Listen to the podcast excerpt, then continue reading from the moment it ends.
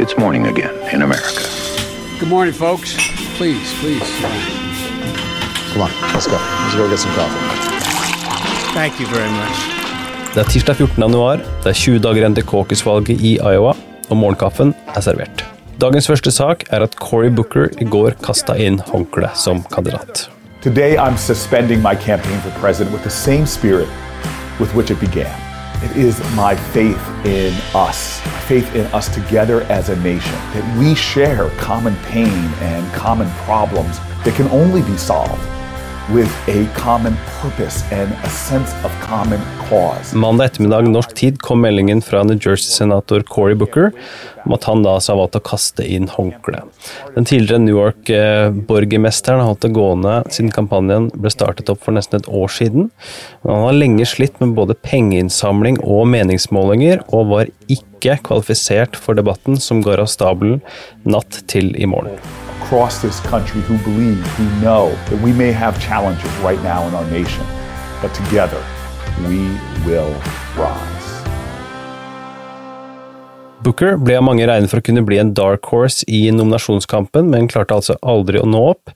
5% på mannens sin nasjonale måling for mars 2019 var det høyeste han kom. Eh, Booker skriver da i en e-post til tilhengerne sine at det ikke finnes midler til å drive valgkamp lenger, og Bookers sorti føyer seg dermed inn i rekken av så mange før ham, altså kampanjen er over når det ikke kommer inn nok penger.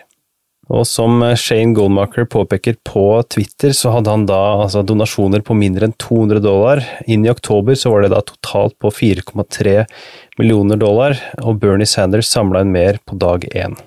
Den kommende riksrettssaken i Senatet, i tillegg til at han som nevnt ikke var kvalifisert til den sjuende TV-debatten, trekkes også fram som viktige grunner til at han valgte å trekke seg nå. Booker stiller for øvrig til gjenvalg til Senatet i 2020, og nå starter også kampen for å sikre seg Bookers støtteerklæring. Dagens andre sak, det er en langt skarpere tone nå mellom Elizabeth Warren og Bernie Sanders idet det nærmer seg valget i Iowa. Den såkalte våpenhvilen mellom de to på venstresiden har da eksistert eh, en stund, men det ser ut til å være over nå. Sanders-kampanjen har gitt føringer til sine frivillige kampanjemedarbeidere om å fokusere på svakheten hos de andre kandidatene. Det er jo helt naturlig, men Warren er altså en av disse som nevnes. Og hovedargumentet mot Warren, eh, som manuset sier, er at eh, hun ikke evner å trekke nye velgergrupper, og at hun kun appellerer til høyt utdanna demokratiske kjernevelgere som vil støtte partiets presidentkandidat uansett hvem det skulle vise seg å bli. To hear that Bernie is sending his volunteers out to trash me. Democrats want to win in 2020.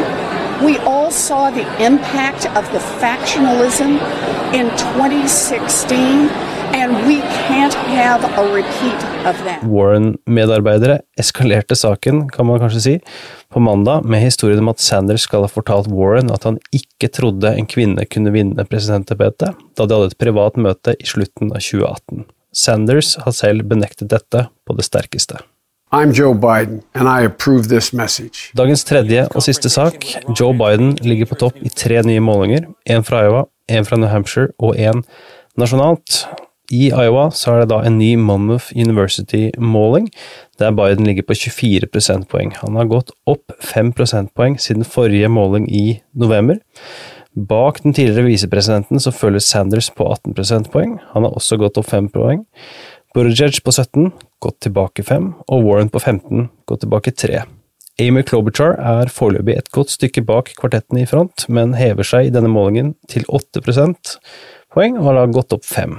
Det er verdt å merke seg at fire av ti i denne målingen eh, bekrefter at det er mulig at de kommer til å stemme på en annen kandidat på selve valgdagen enn den de foretrekker nå.